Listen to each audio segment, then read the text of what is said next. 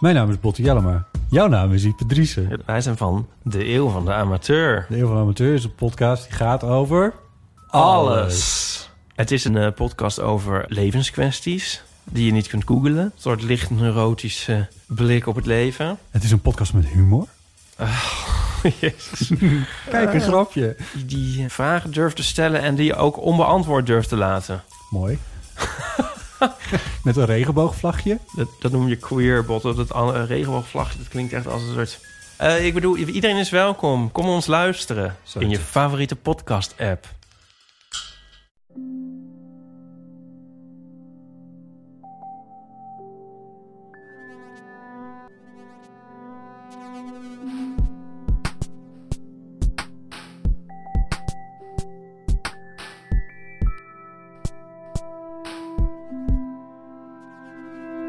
Dit is Relaas. Ja, we zijn terug. We verzamelen nog altijd waar gebeurde verhalen verteld door mensen die ze zelf hebben meegemaakt. En we gaan luisteren deze keer naar Rick. Rick is een loper, niet zomaar een loper. Die loopt soms 20, 30, 40 kilometer aan een stuk. En er is niks dat hem kan tegenhouden, behalve wanneer hij iemand tegenkomt waarvan hij weet van... Dit gaat een bijzondere dag worden als ik nu stop en naar die persoon zijn verhaal zal luisteren.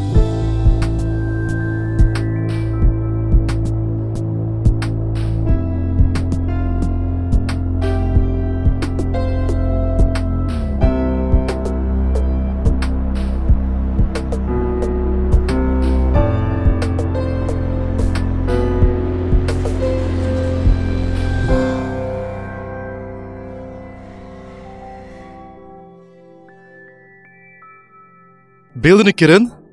Het is een koude decembernacht. En je staat in een klein dorpje in de Ardennen. Een heel klein dorpje. En je hebt een kort loopbroekje aan. En loopschoenen natuurlijk. Nog een beetje een bezweet loopt-shirtje. En een loopjasje. En je staat aan een brug bij het water, de Oerte.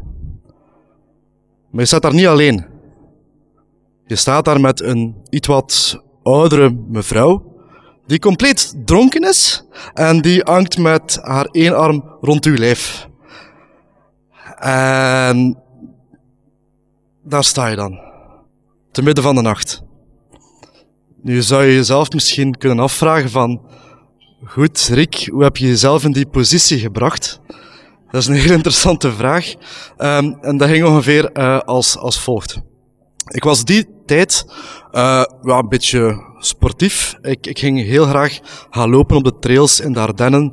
Kleine paadjes, 20 kilometer, 30 kilometer, 40 kilometer, soms 50 kilometer. En uh, daarna keer ik gewoon met de trein uh, terug naar, naar huis. Um, zo ook die dag. En het was bijna ja, 5, 6 uur s'avonds. En ik moest juist nog de heuvel over naar um, La Roche. En daar ging ik dan het openbaar vervoer terug naar Gent nemen. Ik had er al, ja, toch al, al tientallen kilometers op zitten en mijn water was op. En ik wou voor die finale klim toch nog even bijtanken. Maar in dat dorpje, daar was gewoon een, een kerk, een kerkhof en een tiental huizen, maar, maar niet meer. Dus geen café of zo. Dus oké, wat doe je dan? Dan bel je ergens aan. En net aan de rand van het bos stond er een klein huisje met een, met een hek en een tuin. En aan dat hek was er een belletje. En ik ga naar dat belletje en ik, zo'n klokje, weet wel. En ik ga er zo klingelingeling. En de deur van het huisje gaat open. Daar vliegen twee grote honden uit die tegen dat hek opspringen en beginnen te blaffen en te blaffen en te blaffen. Gevolgd door, ja, die iets wat oudere mevrouw. Ik schat daar, ja, eind het 60. Um, grijs haar, vettige vuile kleren, uitgezakt. En ze heeft mij gezien, maar ze zegt geen goeie dag of zo, want ze wil eerst die, die honden kalmeren. Arrête! Arrête! Arrête! Oh, ik zou nog misschien beter een ander huis gekozen. Maar die honden, die weet ze te kalmeren. En dan stel ik mijn vraag van, mevrouw, uh, est-ce que vous avez un petit peu d'eau pour moi? Parce qu'il n'y a pas un bar ou un café ici dans le, dans le village et j'ai soif. Ze kijkt mij zo even aan, ze scant mij volledig En ze zegt, uh, bon, uh, soyez bienvenue, mais je n'ai que du vin. Ik heb enkel maar wijn. Dacht ik van, boy ja, waarom niet? Het is gewoon nog die klim naar boven en dan de afdaling naar, naar La Roche. En dan, dan, dan zijn we Een glaasje wijn, waarom ook niet? Dus ik ga binnen en ze zei van, ja, maar let op, hè, waar dat je uh, loopt, want het is hier een beetje de zo van Antwerpen. Uh, c'est le zoo d'Anvers ici, uh, want ze had niet alleen twee honden, maar ook acht katten. En die beesten deden hun gevoeg niet alleen in een kattenbak. Maar bon, ik neem plaats aan, aan tafel. En wij, wij beginnen te, te, babbelen. Ja. Uh, ik krijg een glas wijn. En mm, ja, Louise noemde ze, zag er zo'n beetje uit alsof ze wel nood had om ja, een beetje gezelschap en om, om dingen wat te delen. En ik kom van alles te weten over haar. Dat ze vroeger een, een café had in Brussel. Um, maar dat ze dan ja, dat verkocht heeft en tijdens haar pensioen naar de Ardennen is verhuisd samen met haar uh, toenmalige echtgenoot, die ondertussen overleden was. Dus ze was daar wel ook een beetje, een beetje eenzaam. Een tweede glas wijn, waarom niet? Een derde glas wijn. En ja, toen kwam ze met een, met een verhaal van, ja, makker, um, hij bent niet de eerste die hier heeft aangeklopt voor, voor, voor water. Um, maar de vorige keer is dat toch wel wat anders afgelopen. Toen heeft ze mij verteld over ja, drie jonge gasten die ook water waren komen vragen. Uh, maar dat bleken geen uh, scouts te zijn achteraf, maar gewoon ja, overvallers. Uh, die drie jongens hebben haar honden tegen de muur gesmeten totdat die knock-out waren. Ze hebben al haar tanden uitgeslagen. En mevrouw, ja, Louise, had slechts 32 euro in huis. Um, ze wilde meer, maar dat mensje had niks meer in huis. En toen heeft een van de jongens gezegd, bon, si c'est comme ça, on va pisser sur la vieille. En zo is het ook gegaan. Um, ze is wakker geworden in het ziekenhuis. En um, ja, um, zo is het gewoon gegaan. En dan vroeg ik van, oké, wow, dat is wel, wel heftig om te horen, maar waarom heb je mij dan, dan binnengelaten? En toen zei ze, ah, ah wel Rick, kijk, ik ben naar een psychiater geweest en zo, maar uiteindelijk heeft mij dat niet zoveel geholpen. Maar ik heb nu echt een klik gemaakt van, ik gun het die jongeren die mij dat hebben aangedaan, die trouwens ja amper gestraft waren, maar ik gun het hun niet dat ik voor de rest van mijn leven bang ben. Ik wil niet bang zijn, ik gun hun dat niet. Ik, ik kies daar niet voor. Ja? Ze kunnen ze kussen. Ja? Ik ben niet meer bang. Dus daarom heb ik u toch binnengelaten. Volgende glas wijn. Tegen dan begon het wel wat donker te worden. En ik dacht van, uh, ja, als ik hier nog subiet die berg naar, naar boven moet, dat wordt toch een, een, pijnlijke bevalling met al die wijn. Maar toen zei uh, Louise van, kijk, hier in, de, in, het, in het dorp, er is hier een, een café, um, ga je niet mee? Gaan we daar nog in gaan drinken. En achteraf, kijk, het is hier de zetel, we kunnen hier wel blijven slapen. En, uh, want dat heb ik nog niet verteld, die tijd was ik niet alleen behoorlijk sportief, maar ook behoorlijk uh, nieuwsgierig. Ik was op zoek naar, uh, als maker naar allerlei verhalen over mensen en ja, meegenomen worden naar zo'n ondergronds café in dat dorp. Dat leek me wel, wel fijn, want Louise zei mij ook van kijk, dat café, overdag is dat niet open. Als de toeristen hier zijn, de mountainbikers, de wandelaars, wij, wij moeten die niet zo hebben. Dat cafeetje is pas open s'avonds als al die mensen weg zijn. Dus ik vond dat als, als maker een heel interessant gegeven.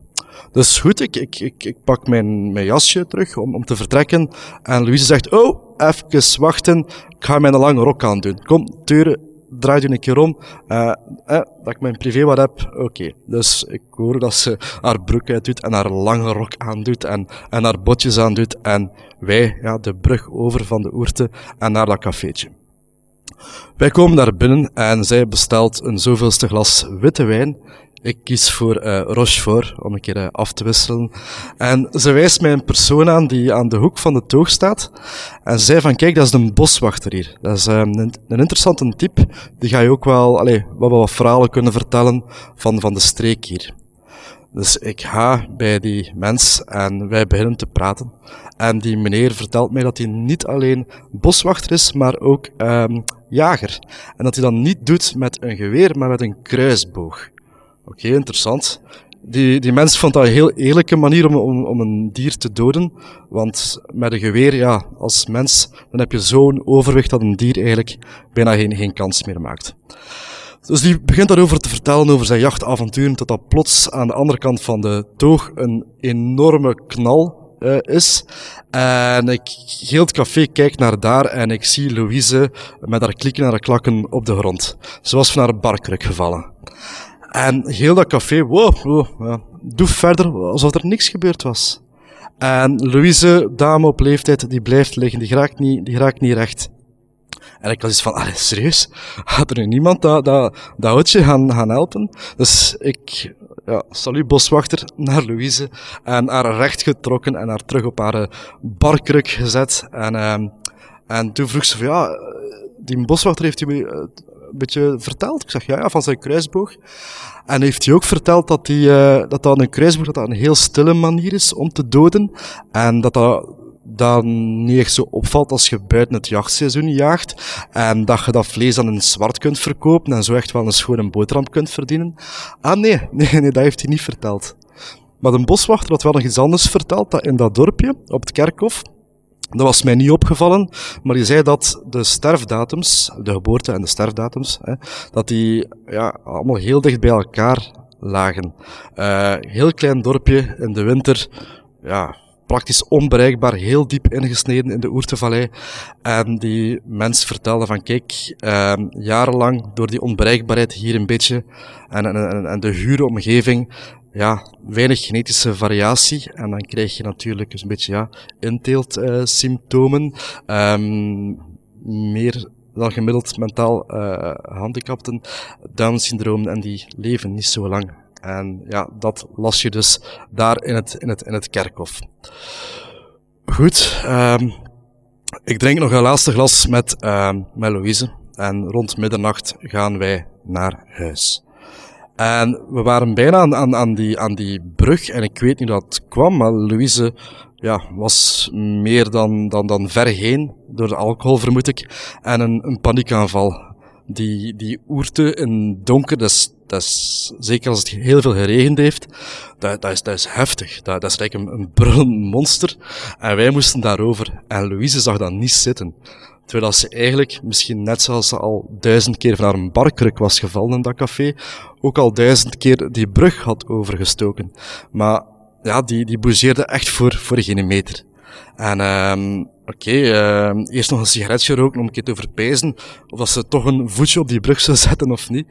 Maar uiteindelijk met één arm rond mijn nek heb ik haar toch over die brug weten te trekken om uh, dan aan haar klein huisje uh, toe te komen. Opnieuw hetzelfde ritueel. Die honden vliegen buiten. Arrête! Arrête! Komt maar! Arrête! Complete chaos en katten die wegspringen langs alle kanten. En ze zegt van, kijk Rick, dat is, dat is jouw zetel, jij slaapt dan uh, daar, ik geef je zo meteen een donsdeken, maar ik moet je eerst nog iets, iets tonen. Uh, uh, Oké, ja.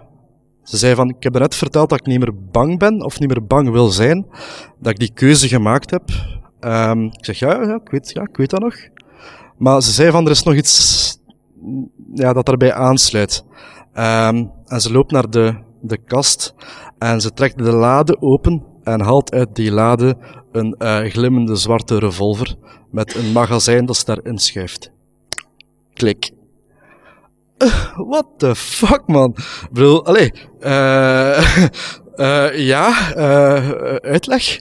En toen zei Louise van, kijk, ik, ooit op een dag was er een, een Rus komen aankloppen, een dikke Mercedes, en die zei van, madamke, je woont hier alleen, uh, dat kan een keer gevaarlijk zijn in plaatsen zoals hier, uh, moet jij geen geweer kopen of, of een revolver bijvoorbeeld uit mijn kofferbak. Hè? Dus 250 euro en je hebt daar dus een, een revolver voor. Hè? Ik had iets van, maar fuck, kom aan. We, je zit daar op twee uur, tweeënhalf met de trein van, van, van, van, van Gent, waar ik nu woon. En je hebt daar dus een, een ondergronds café. Je hebt daar een vallei vol inteelt. Je hebt daar een, een boswachter die, die stroopt. En je hebt er illegale wapenhandel. Je dacht van, zijn dat nu hier de Ardennen? Of is dat nu de, de Far West? Wat, wat, wat, wat, is dat hier nu? Maar ik zei, oké, goed. Het is niet mijn in privé. Uh, en ik was blij dat ze die revolver terug wegschoof. Uh, en en uh, ze had hem toch een keer getoond, dus daarmee was het verhaal uh, af. En was het dus bedtijd. Um, ik had toen zelf naar de keuken gelopen om een beetje water te nemen, want daar was ik toch voor gekomen. En al die wijn en al dat bier, allee, kon ik wel wat, wat water gebruiken. Dus uh, ik, ik kruip in mijn zetel met het donsdeken dat ik van Louise heb gekregen. En wat ik aan het begin van de avond niet wist, was dat um, Louise geen slaapkamer heeft, maar in de andere zetel ging slapen. De zetel die tegenover mij stond. En dat de zetel waar ik in ging slapen, dat de zetel van haar overleden echtgenoot was. En dat ze eigenlijk zo de nacht uh, vroeger doorbrachten met hun honden in het midden. Die nacht, kunt je waarschijnlijk voorstellen, die was verschrikkelijk. Iedere keer als ik ja, niet goed lag of, of een beetje water wou drinken en bewoog, dan begonnen die honden te blaffen. En dan kreeg je weer hetzelfde. Louise die luidkeels roept, arrête, arrête! En zo ging dat heel die nacht door. Totdat ik uiteindelijk was, was ingeslapen. En, en ik werd weer wakker van, van, van lawaai. En ik zie Louise opstaan en, en schuifelen. En ik, ik lag zo op een bolletje in de zetel en ik draai me nog een keer. En, en ze kwam gelijk, gelijk dichter. En ja, op dat moment doe ik mijn ogen open. En net op dat moment heft Louise haar rok op. En gaat ze wijdbeens boven een emmer staan. En begint ze te plassen.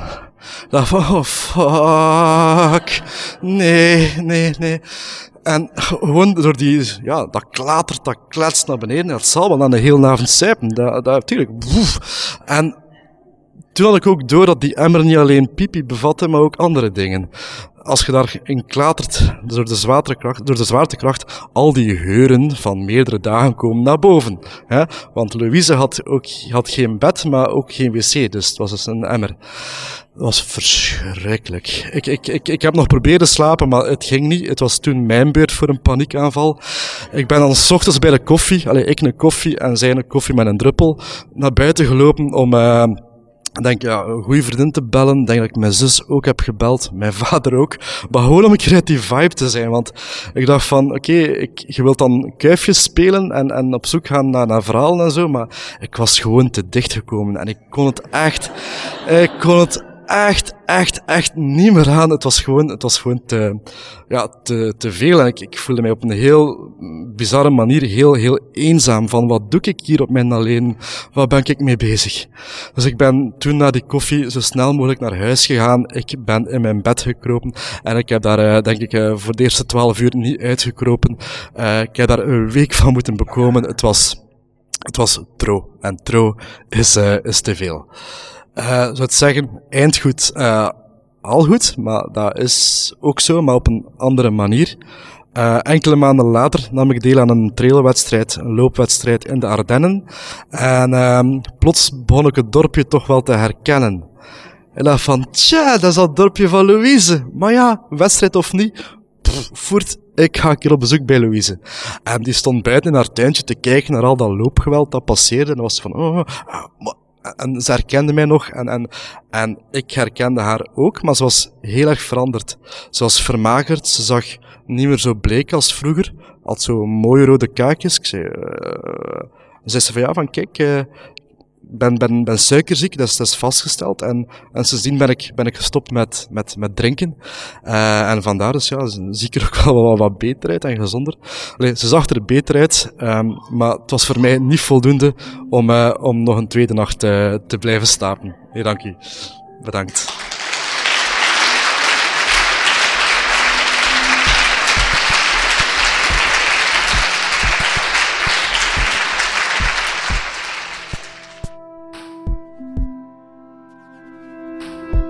Dat was het relaas van Rick. Hij vertelde het in Gent, in het Stam, dat is het Stadsmuseum van Gent. En verhaal na verhaal verzamelen zij daar het immaterieel erfgoed van de stad. En Rick zijn verhaal past daar mooi in. Lang lopen, 30, 40 kilometer aan een stuk. Dat kan niet anders dat je dat op bepaalde leuke plaatsen brengt. En dat heb ik van horen zeggen. Ik mag al blij zijn dat ik af en toe op en af de trap raak. Maar als je vaak en veel loopt, dan kom je letterlijk en figuurlijk het een en ander tegen. Rick heeft al die loopverhalen verzameld in een boek. Ik heb onlangs een, een boek geschreven en daar heb ik allerlei ja, uh, maffe ontmoetingen met ja, de meest diverse mensen uh, opgeschreven uh, die ik heb gehad tijdens het lopen. het verhaaltje met Louise staat daarin, maar het gaat niet alleen over ja, bizarre, rare kwieten, maar het is ook een beetje een, een boek ja, dat gaat over, over, over falen, over opnieuw beginnen, over op je bek gaan, fouten mogen maken ook. Um, ergens is het ook een, een soort ja, seks, drugs en rock'n'roll uh, loopboek. Uh, misschien een beetje een bizarre combinatie, maar, maar ja, kijk, uh, het ligt er. En op een vreemde manier is het ook een, een dieetboek, want je, je leest perfect hoe dat je 50 kilo vermagert en hoe dat je 15 kilo uh, aandekt. Uh, nieuwsgierig, uh, ik zou zeggen, neem het zeker een keer vast in de boekenwinkel. En ja, veel leesplezier. Als je dus houdt van loopverhalen en je bent benieuwd naar welke avonturen Rick nog allemaal heeft beleefd, dan kan je zijn boek kopen of zoeken. Het heet The Holy Trail. Ik bedank even onze partners. Relaas bestaat niet zonder de stad Gent. Daar krijgen wij centjes van. En daarnaast zijn REC, Urgent FM, Huset en Pulp Deluxe onze dierbare partners waar we altijd op kunnen terugvallen. En we zijn altijd op zoek naar nieuwe partnerships. Dus als jij met Relaas wil samenwerken, omdat je een goed idee hebt, of misschien een locatie ter beschikking hebt, of je wil rond storytelling aan de slag, weet ons te vinden. Gewoon een mailtje sturen. We zijn met een heel team om Relaas te maken. Een team van enthousiaste vrijwilligers. Maar we zijn ook altijd op zoek naar nieuwe vriendjes voor Sarah de Smet, Edwin Gontier, Katlijn de Vries, Stefan Gruijaert, Sarah Latree, Timon van de Voorde, Anneleen Schelstraten, Marlin Michels, Ruby Bernabeu Plaus, Jurgen Strooband, Steve Konaar, Charlotte Huigen, Evita Nocent, Dieter van Huffel, Philip Cox, Silke Durie en ikzelf, Pieter Blomme. Vriendjes hebben we nodig. Ik weet jammer genoeg niet hoe je ons deze keer gevonden hebt, maar sinds kort staan we ook op Spotify, dus je kan nu aan al jouw vrienden vertellen. Gewoon Spotify opstarten en daar op het tabblad podcasts klikken en dan relaas intypen. Meer dan dat moeten ze niet doen. Geen nieuwe apps installeren of geen RSS-feeds downloaden. Gewoon Spotify openen, podcasts klikken en dan relaas luisteren. Zo simpel is het.